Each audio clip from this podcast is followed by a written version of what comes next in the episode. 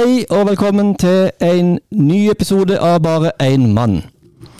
I dag tenkte jeg å ta for meg noe som eh, kvinner pleier å være mer opptatt av enn menn. Og jeg sier pleier, for det er ikke sånn at vi mannfolk ikke bryr oss om det. Men eh, vi uttrykker oss nok noe annerledes enn damene våre. Og jeg snakker selvsagt om kjærlighet.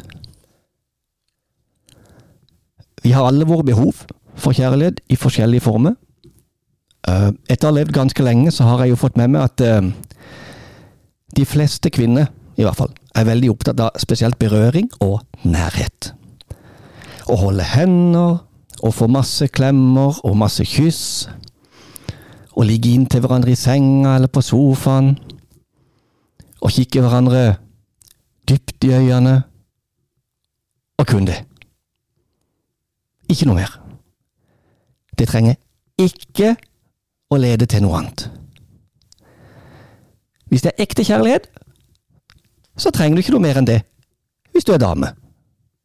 Hvis du heller legger til en dose med komplimenter og mye lytting, da er du der, for da blir dama di veldig glad. Men alt det her det er noe som er veldig vanskelig å forstå, spesielt for oss mannfolk.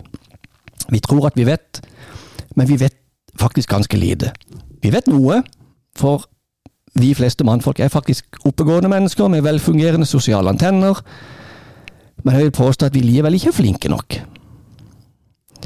Og så har jeg også fått med meg at de fleste kvinner de tror at menn kun er interessert i én ting. Og noen av de har nok langt på vei rett i det, men ikke helt. Så kvinnelige lyttere de har også noe å lære i dag. For det er også mange mannfolk som syns det er fint å holde hender og klemme litt. Men vi har ikke helt det samme behovet for akkurat det som damene har. Og jeg snakker selvsagt på helt generelt grunnlag. Det, det fins alltid unntak i begge leirer. For faktum er at vi alle, både damer og menn, har vårt eget kjærlighetsspråk. Og i, i researchen til denne episoden så fant jeg ut at det kan være ganske så forskjellig. Det var ikke så mange mannfolk som åpna seg opp om dette. Det var nok litt flaut å snakke om. Spesielt med en annen mann, og kanskje spesielt en podkaster. Og så var det noen menn som ikke hadde tenkt seg mye over det, det i det hele tatt. Det burde de kanskje gjort. Men de damene jeg spurte, de syntes det var spennende å snakke om det her. Surprise, surprise. Og så måtte jeg jo også lese litt, uh, ha litt lektyre om temaet. Og da bestemte jeg meg for å lese boka Kjærlighetens fem språk. Og jeg husker at kona hadde hatt ei sånn bok liggende en plass, og så spurte jeg om hun kunne finne henne fram. Og hun var jo ikke vond å be.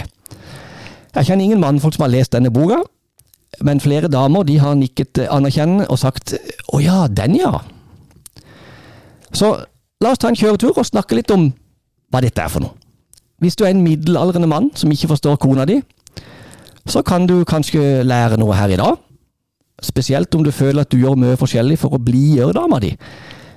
Kanskje uten at det hjelper så mye. Og er du ei dame som ikke forstår mannen din, så skal nok du få deg en liten vekker. Og så har jeg jo fått henvendelse om at episodene helst ikke bør overskride 45 minutter, så jeg kommer til å dele temaet i, i, flere episoder. Så får vi se hvor mange episoder det blir. Um, det er flere som sier de hører på podkasten når de sitter i bilen på vei hjem etter jobb. Så en sånn 45 minutter, så vet jeg ikke om det blir på 35 eller 55, uh, det vet jeg rett og slett ikke. Så, men jeg, har i hvert fall prøvd å ikke ta for mye. Så det skal vi se om vi kan få til. I aim to please. Uh, men det er på tide å sparke showet i gang.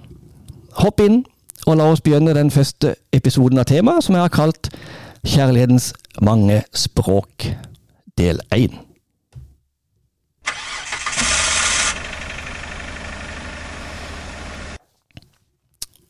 Ingenting sier I love you så mye som å bli med dama til Sørlandssenter, eller kanskje Ikea.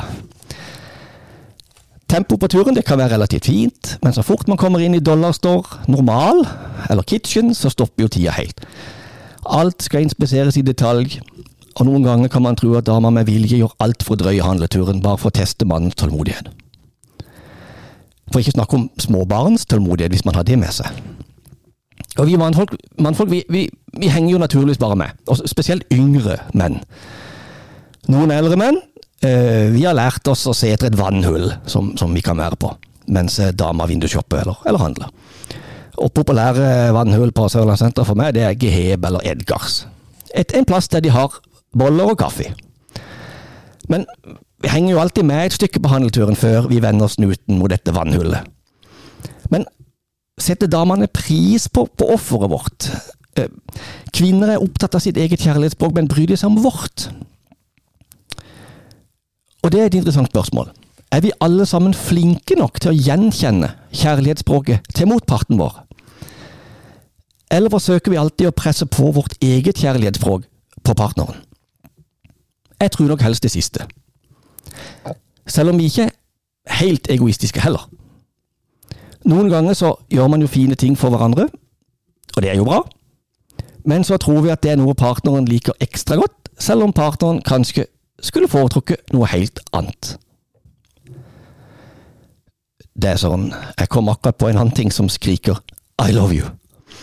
Og det er når du går rundt i snøen med en grønn avfallspose i hånda og plukker opp en sånn seks-syv kladeiser med ting som konas Yorkshire Terrier har lagt igjen. For meg er det sidestilt med å skulle stå ute i hagen med en gitar og synge kona en serenade. Men for kona så tror jeg ikke hun setter pris på det på samme måte, eller sånn som jeg skulle ønske hun hadde satt pris på det. Så Det er jo et godt eksempel på at vi ikke ser på kladeisplukking på samme måte. Jeg gjør det av kjærlighet, og hun ser på det som bare nok et annet gjøremål som mannen skal gjøre. Men andre ganger så kan man ha mer flaks. For noen ganger så kan man jo treffe på kjærlighetsspråket uten å vite det engang. Altså man kan, man kan gjøre en liten sak for kona, og, så plutselig blir hun mye gladere enn du hadde forventa. Og det skjer kanskje ikke så ofte, men noen ganger så kan også det skje. Og da står vi der og ikke aner hvorfor hun ble så glad. Men vi tar det, vi tar det. Jeg drøfta kjærlighetsspråk med kvinner, eh, med flere kvinner i forskjellige forum. Um, og det har vært veldig gøy. Mannfolk syns som nevnt at det blir litt rart å, å snakke om det her, uh, men damene syns det er interessant. Noen håper at denne episoden kan vekke mannen litt opp fra dvalen, og intet hadde vel vært bedre enn det. Um, jeg har flere enn en gang hatt en sånn diskurs, eller samtale, med damer om temaet, og etterpå har jeg ønska meg at jeg hadde spilt samtalen inn. For det har vært så interessant. Opplysende og veldig underholdende. Men dessverre så er det ikke Det har ikke vært noen dame som har hatt lyst til å gå på lufta med meningene sine. Og ei dame hun ville ikke, for hun frykta at mannen skulle rett og slett ta hatten sin og gå hvis han hørte hennes meninger bli lufta i en podkast. Og tanken her er jo altså med denne episoden, er jo å gi både menn og kvinner gode råd, som nå kan gjøre forholdet litt bedre, og ikke at forhold skal splittes opp. Nå har vi for uh, ikke så lenge siden også, har vi lagt bak oss både morsdag og valentinsdag. Og begge deler det markeres uh, ganske heftig hjemme hos familien Fossheim. Helt sikkert mye mer hos oss enn hos dere andre. For oss er sånne da perfekte anledninger til å utøve kjærlighetsspråket, og til å komme enda nærmere partneren på. Og spesielt i den tida vi lever i nå, der vi, vi har ikke all verdens tid til å være sammen i utgangspunktet. Nå begynner heldigvis barna mine å bli så store at de fikser en del ting sjøl. Eh, men vi har jo lagt bak oss en del år der alt handler om å kjøre og hente på diverse aktiviteter hver eneste uke, da. Og det har ikke vært så mye tid til å være bare være oss voksne og pleie kjærligheten. Og det er nok en grunn til at når barn flytter ut, så er det mange som skiller seg. Man har vokst fra hverandre, og barna, det var limet som holdt familien sammen. Derfor er det utrolig viktig å smøre forholdet litt mens barna er små, sånn at det fremdeles er liv laga når de er i gang, blir store og flytter ut. Og det er en av grunnene til at vi hos oss markerer alle sånne dager. Altså ikke bare bursdager, men morsdag, farsdag og valentinsdag. Før så har det vært min jobb å sørge for at det skjer noe på morsdag også, sammen som med kona, sørger for at det skal skje noe på farsdag. At det f.eks. lages kort og tegninger og sånn, men, men, nå fikser jo barna dette her sjøl. Nå er mine barn 17 eh, og snart 15. Og de handler inn det de vil gi til mamma, eh, og jeg gjør ikke så mye akkurat til den dagen. I år så disker jeg bare opp med deilig frokost eh, til kona. i tillegg til å invitere hele familien ut på morsdagsmiddag. Um, vi var på Amigos på fiskebrygga, som er en plass hele familien setter pris på. Vi tok med oss Besta og hadde det veldig hyggelig der. Amigos anbefales eh, for øvrig på det varmeste. Veldig koselig plass. Veldig god mat, store porsjoner, veldig god service. Så fikk vi sneke inn litt reklame for Amigos også. Amigos, et sted for hele familien.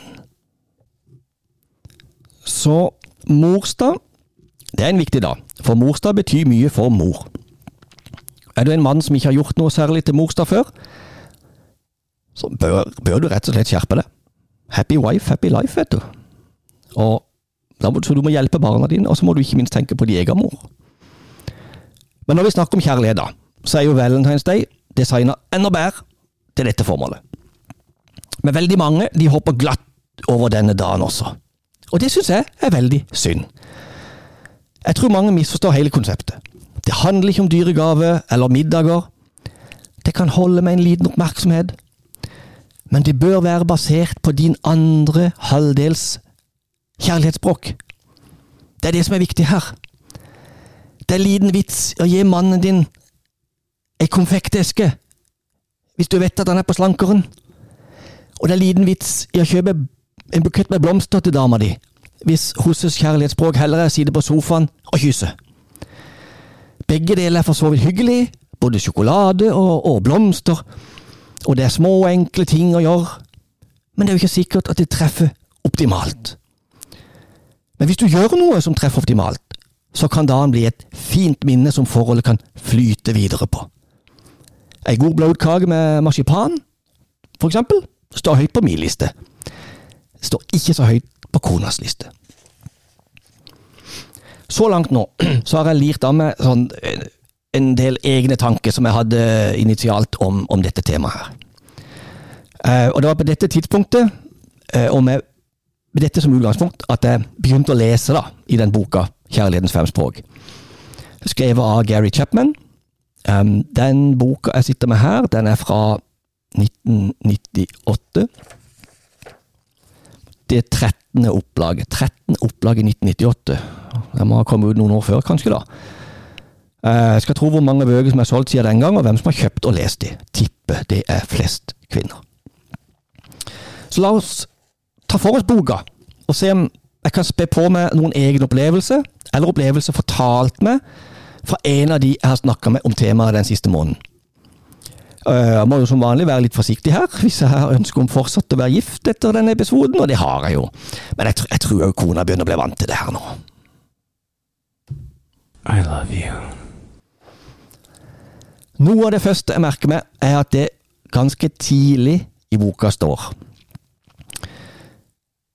Vi må være villige til å lære oss ektefellens primære kjærlighetsspråk hvis vi skal kommunisere kjærlighet på en effektiv måte. Well, what do you know? Surprise, surprise. Det står også i innledninga i boka at man må holde kjærlighetstanken full. Alle har visstnok en kjærlighetstank, men hvor full den er, det vil variere. Et barn som blir neglisjert og aldri får fylt opp tanken med kjærlighet fra foreldrene, vil nok søke kjærlighet et annet sted i oppveksten, kanskje fra en lærer på skolen eller en annen voksen. Og det kan også være fint, men det blir ikke samme type kjærlighet, og den dekker ikke det primære behovet. Resultatet det, det kan bli at eh, barnet i en søken etter ekte kjærlighet oppfører seg dårlig. Kjærlighetstanken er tom. Man kan gi barna klær, mat, øh, tak øh, over hodet, øh, som alle er viktige ting, men det er ikke det viktigste. Det nytter ikke å elske noen hvis ikke du viser det på en måte som kan oppfattes som kjærlighet. Og det står da i boka der at måten man blir vist kjærlighet på som barn, det spiller inn hvordan, på hvordan du oppfører deg og oppfatter kjærlighet som voksen. Så det er veldig viktig. Så har du ikke gitt barnet ditt en god klem i dag, så gjør det nå, før kjærlighetstanken til barnet går tom. Um, det er en gave som et barn tar med seg gjennom hele livet. Gi barnet jevnlig påfyll av kjærlighet. Så det er det første jeg beit meg merke i.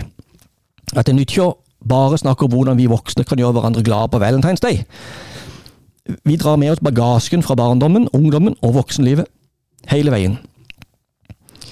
Uh, mange av lytterne her har kanskje voksne barn, men det er aldri for seint å sette pris på barna sine og vise de kjærlighet. Det er viktig, de blir påvirka av det, og de tar det med seg. Og vi er, vi er, fremdeles helt i starten av boka. Den har faktisk egentlig ikke begynt ennå. Uh, det neste som følger, det er et kapittel om forelskelse. Uh, og det er ganske interessant. For forelskelse er visstnok noe helt annet enn kjærlighet. Og um, de aller fleste som er i et forhold, har starta dette forholdet med å være forelska. Kanskje til og med stormforelska. Og jeg husker godt at jeg i syvende klasse var stormforelska i ei jente i klassen som het Marianne. Hei, Marianne. Første gang jeg så henne, så fikk jeg pila til Cupido midt i hjertet. Men det skjedde aldri noe mer. Det er ikke som dagens ungdomsskoleelever som melder på sin tre eller fjerde kjæreste. Nei, jeg var jeg var altfor sjenert, og ikke minst altfor barnslig til å, til å, finne på noe der. Uh, men jeg husker forelskelsen. Den var en ny og en veldig kraftig opplevelse for en 12- eller 13-åring. Året etter, i åttende klasse, da var jeg stormforelska i ei annen jente. Og jeg husker faktisk veldig lite fra åttende klasse. Gikk i denne forelskelsestoga hver eneste dag utrolig nok så fikk jeg greie karakterer i åttende klasse også. I niende klasse da ble jeg vel stormforelska i alt som hadde to bein og langt kreppa hår. Nei, vi snakker ikke om Joey Tempest i Europe, selv om jeg likte han òg, da, av andre grunner. Jeg var og er fremdeles kun interessert i jenter. Og så begynte jeg på første videregående i Vennesla, og falt pladask for ei jente med en gang jeg gikk inn hoveddøra første skoledag. Rett inn forbi døra. Hun var vilt pen. Uh, hun het Wanda, og så kom hun ifra Råde i Østfold. Og hun må ha vært noe av det peneste som noen gang hadde besøkt Vennesla. Jeg husker jeg satt i kantina under opprop og, og, bare ba om at å, hun må komme i samme klasse som meg. Og gleden var stor da jeg skjønte at det faktisk skjedde. Det var en ubeskrivelig følelse. Og jeg la jo inn alt jeg hadde av aksjer det året. Men aksjene mine de var verdt like lite som familiehundens kladeiser. Så etter en stund så festet jeg blikket på Ellen. Ble stormforelska der, men hun var heller ikke interessert i aksjene mine. Og jeg følte etter hvert at jeg hadde jo gått i konstant forelskelse i mange år. Og hadde glemt hvordan det var å ikke være forelska i noen.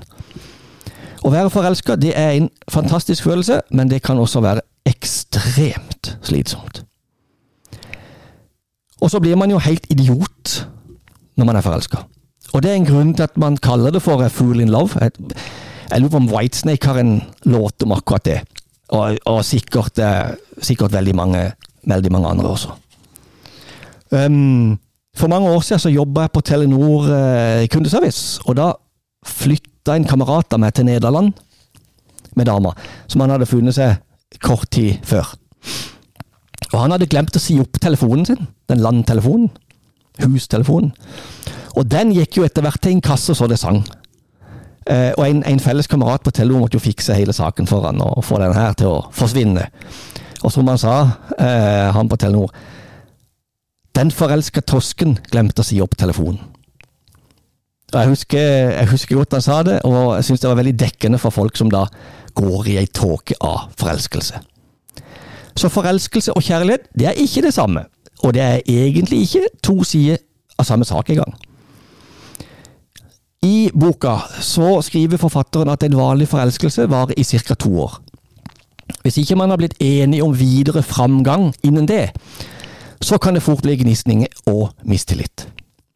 Og der man før uh, godtok litt uh, krasse tilbakemeldinger i forelskelsesrusen, så, så, begynner man kanskje heller å ta litt igjen når rusen har gitt seg litt. Um, forelskelsen setter ikke fokus verken på vekst, egenvekst eller vekst og utvikling hos den vi er forelska i. I stedet så gir forelskelsen oss en følelse av at vi har nådd målet, står det i boka. Vel, etter to år da med sånn cirka, med forelskelse, så, så tar jo forelskelsen slutt, og hverdagslivet begynner.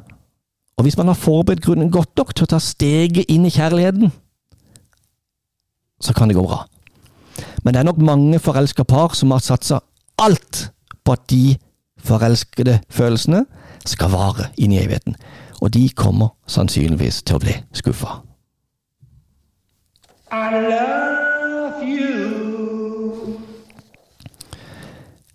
Forfatteren hevder altså at det finnes kun fem kjærlighetsspråk. Og så er det sikkert noen som tenker at eh, det å dele kjærlighetsspråk inn i fem ble litt snaut. Men som forfatteren også skriver det, så er det mange dialekter innenfor hvert språk. Så la oss se om vi kan bli enige med forfatteren nå etter hvert. Eh, det første kjærlighetsspråket, det er kalt for anerkjennende ord. Og det høres jo spennende ut. Det høres jo veldig enkelt ut. Hva kan vi lære av dette her? Først og fremst må jeg si at jeg alltid har sett på meg sjøl som veldig flink til å spre rundt meg med komplimenter. Kona hun kunne ikke lage mat når hun kom til landet her for over 20 år siden. Hun var stadig på telefon med sin mor for å få oppskrifter og for å lære seg å lage mat. Og vi kjøpte sånne telefonkort til eh, 100 kroner, for det koster jo 25 kroner per minutt å ringe til Colombia med Telenor. Og med telefonkort så kunne hun ringe et par timer og få alle de gode råd hun trengte. Og vi kjøpte jækla mange sånne telefonkort. Det var ikke noe Skype, det var ikke noe fiberlinje eller Teams og sånn på den tida. Men det var verdt både tid og penger, for etter hvert så begynte hun å utvide uh, repertoaret, og i dag er hun veldig flink til å lage mat. Hun er den eneste jeg vet om som aktivt bruker kokebøker, og forsøker å lære noe nytt. Uh, hun har vært på matlagingskurs på, på Sjam, i restaurant i Kristiansand. Uh, hun har vært på Bølgen og Moi. Hun har kommet hjem med masse notater. Og sist nå på Valentine's Day så var vi på Spiregården i Kristiansand på et asiatisk matlagingskurs. Hun er veldig interessert i å lage mat. Jeg er jo mest interessert i å spise, så vi kompletterer hverandre veldig godt der. Og tingen er at jeg passer alltid på å gi henne komplimenter for maten hun lager. For hun legger mye innsats ned i det her. Og det er ikke noe man skal ta lett på. Hvis jeg skulle latt være å gi henne komplimenter, eller anerkjennende ord, så kan hun jo Hun vil jo miste motivasjonen, og det, det vil jeg jo ikke risikere.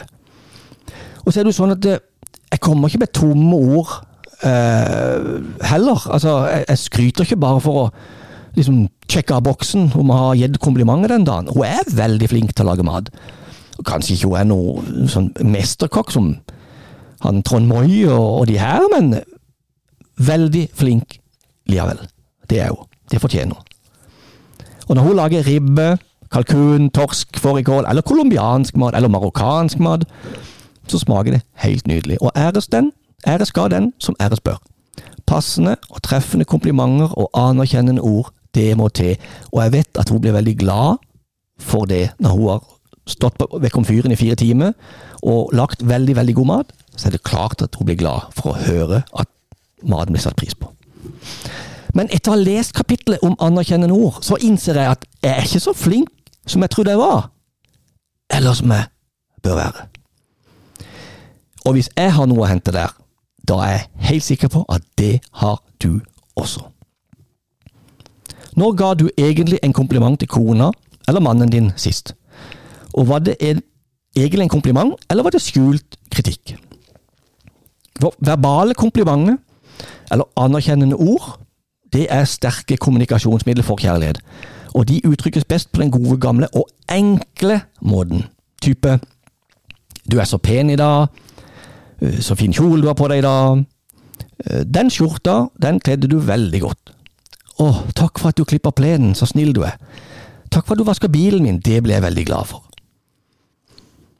Hvis man strør om seg med sånne enkle og fine komplimenter, så vil partneren din bli påvirka i positiv retning. Og det er ingen hemmelighet at mange menn syns at kona gnåler om en del gjøremål. Og noen ganger kan ei dame gnåle så mye og så ofte om et bestemt gjøremål at man som en mann rett og slett får avsmak for hele oppgaven. Og uansett hvor ofte damer da maser og gnåler, så kommer til å skje. Og det er ikke fordi vi menn ønsker å være vanskelige, men vi orker ikke alt dette gnålet. Og hvis vi gjør en oppgave, tenk på det her. Hvis vi nå gjør en oppgave etter at dama har gnålt i flere uker om at vi skal gjøre det, så lærer jo vi opp dama til at det bare fortsetter å gnåle. For det virker jo kjempefint. Og Det er jo akkurat det vi forsøker å unngå å gjøre med barna våre. Vi vil belønne god oppførsel, ikke den dårlige. Hvis et barn gnåler og maser maser i butikken om å få en is, så vil ikke vi gi barnet is. Og Da vet vi jo at neste gang vil barnet bare uh, fortsette å gnåle og mase etter is i butikken, for det virker jo kjempefint. Hvorfor skal vi da gi etter for den samme taktikken på partneren? Nei, hvis dere damer hvis dere damer i stedet for å gnåle for n-te gang For etter fjerde gang så har vi faktisk forstått det, vi mannfolk. Hvis dere heller lar saken ligge og så begynner dere å bli hyggelige. Og bruke anerkjennende ord. Sette pris på det mannen faktisk gjør. Så vil etter hvert denne kjærlighetstanken til mannen fylles opp. Og du skal si at mannen en vakker dag faktisk gjør det ønskede gjøremålet av seg selv, hva nå enn det måtte være, fordi han er glad i det. Og til alle kvinnelige lyttere der ute, dere er faktisk fantastiske til å mase og gnåle om ting. Ta selvkritikk, og erkjenn det, alle som en, og begynn heller å fylle opp kjærlighetstanken til mannen din. For kjærlighet, det betyr ikke at du får det du vil ha, men at du skal gjøre noe fint for den du elsker. Og når man bruker anerkjennende ord, så vil man som oftest oppleve at den andres motivasjon til å gjøre gjengjeld bare øker. Og hvis mannen din, eller dama di, for det går jo begge veier det her, selv om jeg nå ser det fra en manns ø, perspektiv hvis, hvis, mannen din en dag helt umotivert går og henter matsøpla og kaster den i den brune dunken, og hvis det er noe han ikke pleier å gjøre, da, så, så må du jo si takk for at du bar ut søpla, det ble jeg veldig glad for. Men ikke si det var godt du bar ut søpla før fluene fløy av sted med henne. For det, det første takket er jo fylt med kjærlighet, det andre er jo bare dømmende, og det er jo ikke godt for noe. I stedet for å fylle kjærlighetstanken, så drenerer du han jo. Det er jo ikke, det er jo ikke din interesse. Og så er det jo ikke bare hva man sier, men hvordan man sier det. Det hjelper jo heller ikke å bruke anerkjennende ord hvis det kan tolkes ironisk. Forfatteren av boka han skriver at utrolig mange tar med seg gårsdagen inn i neste dag. Og Det betyr at man tar med seg alle feilene som partneren har gjort før, og tar de med seg videre inn i livet. Men vi gjør jo alle feil, så hvor, hvor godt kan det komme ut av et ekteskap, eller et forhold i hvert fall, der begge to samler opp hverandres feil? Burde man ikke heller bare tilgi hverandre og gå videre? Stryke feilene fra lista? Burde man ikke bare la feilene tilhøre historien? Og da, da tenker jeg ikke at det er ikke sånn at man skal legge partnerens mange feil i en skuff, og så, og så glemmer vi det i det daglige. Men ved første voldsomme krangel så kan de hentes fram igjen i full kraft. Nei, har man tilgitt, så har man lagt det bak seg. For alltid. Så må det være. Og hvis partneren skulle bli veldig sint for et eller annet, så gjelder det å ikke møte sinne med sinne, men heller møte han eller hun med vennlige ord. For et mildt svar, det demper harme. Det står det i boka. Måten vi sier noe på, måten vi blir møtt på, det betyr veldig mye. Så det, ja. Da fikk vi lirt av oss litt. Um, jeg ser også at i Federlandsvennen uh, der har de hatt en sånn serie skal jeg kalle minireportasjer, eller miniintervjuer, uh, som heter 'Slik fant de kjærligheten'. Og Der fant jeg et par av de. Der kan man lese blant annet uh, om et par. Ramona og Dion. Eh, de, der gikk det bare tolv måneder fra første møte til giftermål, og de møttes på et utested i Kristiansand. Dion var utvekslingsstudent på universitetet og ferdig med studiene. Og Han gikk bort til Ramona og så ga hun et kompliment for kjolen. Eh, og Så utveksla de telefonnummer, og så reiste hun og besøkte han etter seks måneder. Og nå står det at de har vært sammen i ti år og har fire barn sammen. Utrolig hva som kan skje hvis du går bort og så gir et kompliment til dama for kjolen. Det betyr tydeligvis veldig mye. Eh, Ramona og Dion de har, et, eh, de har, noen tips, og de sier at eh, man skal være rause mot hverandre og gi hverandre rom. Og fortelle hverandre mye, men ikke alt. For det, det er ikke alt man kan ta tilbake igjen.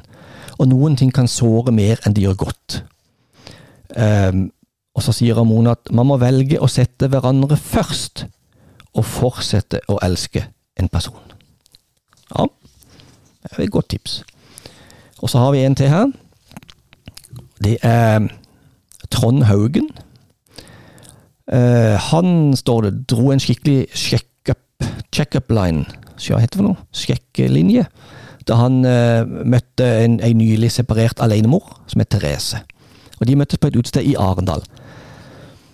Um, og Da sier Therese at hun sto i baren og ante fred og ingen fare, og så var det en fremmed fyr som ble dytta på henne av ei venninne. Så under et sånn særdeles stort press fra denne venninna, så kom han her fyren liksom og fikk kremta fram uh, Vet du hvor mye en isbjørn veier? Nok til å bryte isen. Hei, jeg heter Trond. Og, og Therese tok han i hånda og presenterte seg og tenkte inn i seg Herregud, det var kleint.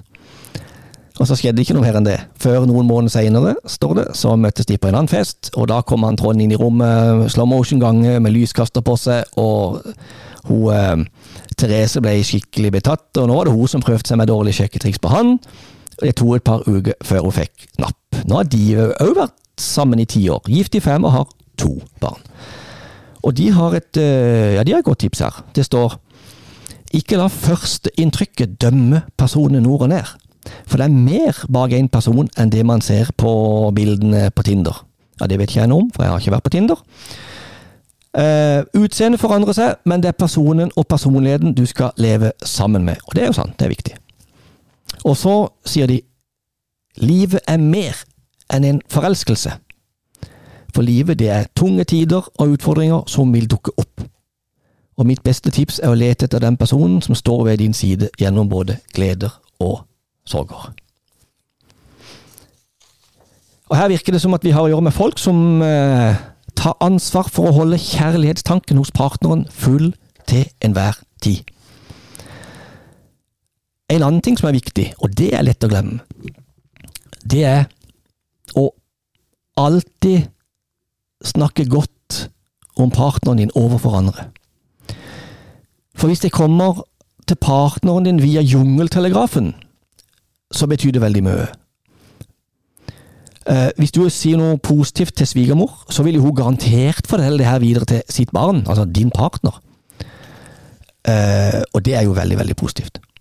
Og det er selvsagt også veldig fint å skryte eh, av partneren til andre mens partneren er til stede. Å bruke anerkjennende ord på en sånn måte, det betyr veldig mye for de fleste av oss. Og der er kona mi veldig flink. Selv om hun uh, forteller alle damer på jobben om den håpløse venndølen av og til, så er det alltid ei spøkefull tone. Uh, inntrykket mitt er at når det virkelig gjelder, så snakker hun alltid positivt om meg. Og det er jo noe jeg setter veldig pris på. Og så føler jeg at kanskje jeg sjøl må skjerpe meg litt, men nå har jeg jo skrytt litt av kona her i podkasten, i hvert fall. I am so lucky to have you in my life. En annen ting som var veldig gøy, for litt siden. På et møte på skolen så fant jeg meg sittende med et bord sammen med, med fire kvinner. Jeg så de satt der, og så tenkte jeg at å, nå må jeg bare spasere bort og prate litt. Og når jeg, idet jeg satte meg ned, så sa de Nå kommer han! Og jeg, jeg skjønte jo hva de mente, og med en gang jeg satte meg, så kom spørsmålet Hvordan går det med podkasten?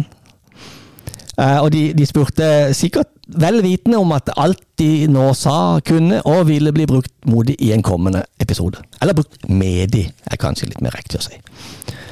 Og da fortalte jeg at jeg, jeg var helt i, i begynnelsen av planlegginga eh, av en episode om kjærlighetsspråket, og da ble de selvsagt interessert.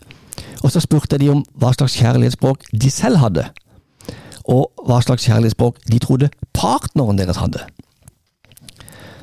Og den ene dama, hun fortalte at mannen hennes var veldig praktisk anlagt. Han var veldig flink til det meste. Og hun hadde lagt merke til at han, uten at han noen gang hadde nevnt det, at han satte veldig pris på anerkjennende ord. Hun kunne se det på han at han følte seg elska når hun roste han for det han hadde gjort, smått eller stort. Han likte å høre at han hadde vært flink, og hun mente at det var hans kjærlighetsspråk. Og Hvis ikke jeg husker feil nå, så, så tror jeg at hun sa, i likhet med, øh, med veldig mange andre kvinner, at hun likte mer nærhet og intimitet. Og så husker jeg en gang jeg tilfeldigvis var rundt på de kantene der de bor, øh, på en sykkeltur. Og da hørte jeg latter fra innkjørselen til de.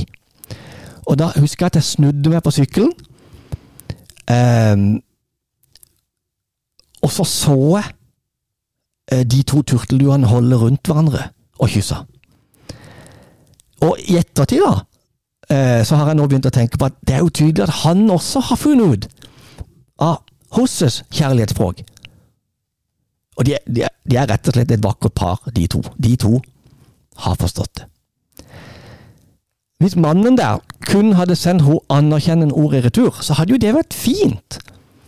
Men da hadde jeg sannsynligvis aldri sett at de sto og klemte og kyssa ut i gården den gangen. For hun har jo et annet kjærlighetsspråk enn han har. Og det er det neste vi skal ta for oss. Men først skal vi smelle til med dagens sitat. Vi har jo som regel alltid et sitat med oss. Eh, og det kommer fra ingen ringer enn kong Salomo. Du vet, han fra Bibelen. Eh, sønn til David av alle. Og kong Salomo han var kjent, for han var veldig vis. Det sies også at han hadde over 700 koner. Og eh, vi kunne sikkert hatt noen episoder om utfordringene kong Salomo, kong Salomo ville hatt i et moderne samfunn, en moderne verden med så mange koner, men vi hopper glatt over det i dag. Men kong Salomo, han sa Bekymring i en manns hjerte tynger ham, men et godt ord gleder ham. Det er noe å tenke på til alle dere som himler med øynene og mener at mannen ofte er ubrukelig. Bruk heller anerkjennende ord til å få mannen til å føle seg elska, og fra å få ham til å elske dere tilbake. Jeg tror vi skal stoppe der for i dag. Jeg ser at vi tikker opp mot 39 minutter, så dette ble, dette ble veldig bra. Dette ble innafor. Og hvis vi stopper nå, så får dere tid til å øve på å gi anerkjennende ord til partneren deres. Så kan vi kalle det ei hjemmelekse som dere må gjøre til neste gang. Jeg tror dere vil bli positivt overraska over hvor stor effekt det kan ha. Eh, det koster jo ingenting, men det betyr så utrolig mye. Og så håper jeg at dere lytter innom i neste episode også. Eh, og neste episode det skal ta for seg det neste kjærlighetsspråket, da. Og det heter Tid for hverandre. Takk for i dag. Takk for at du deler podkasten. Vi høres i framtida.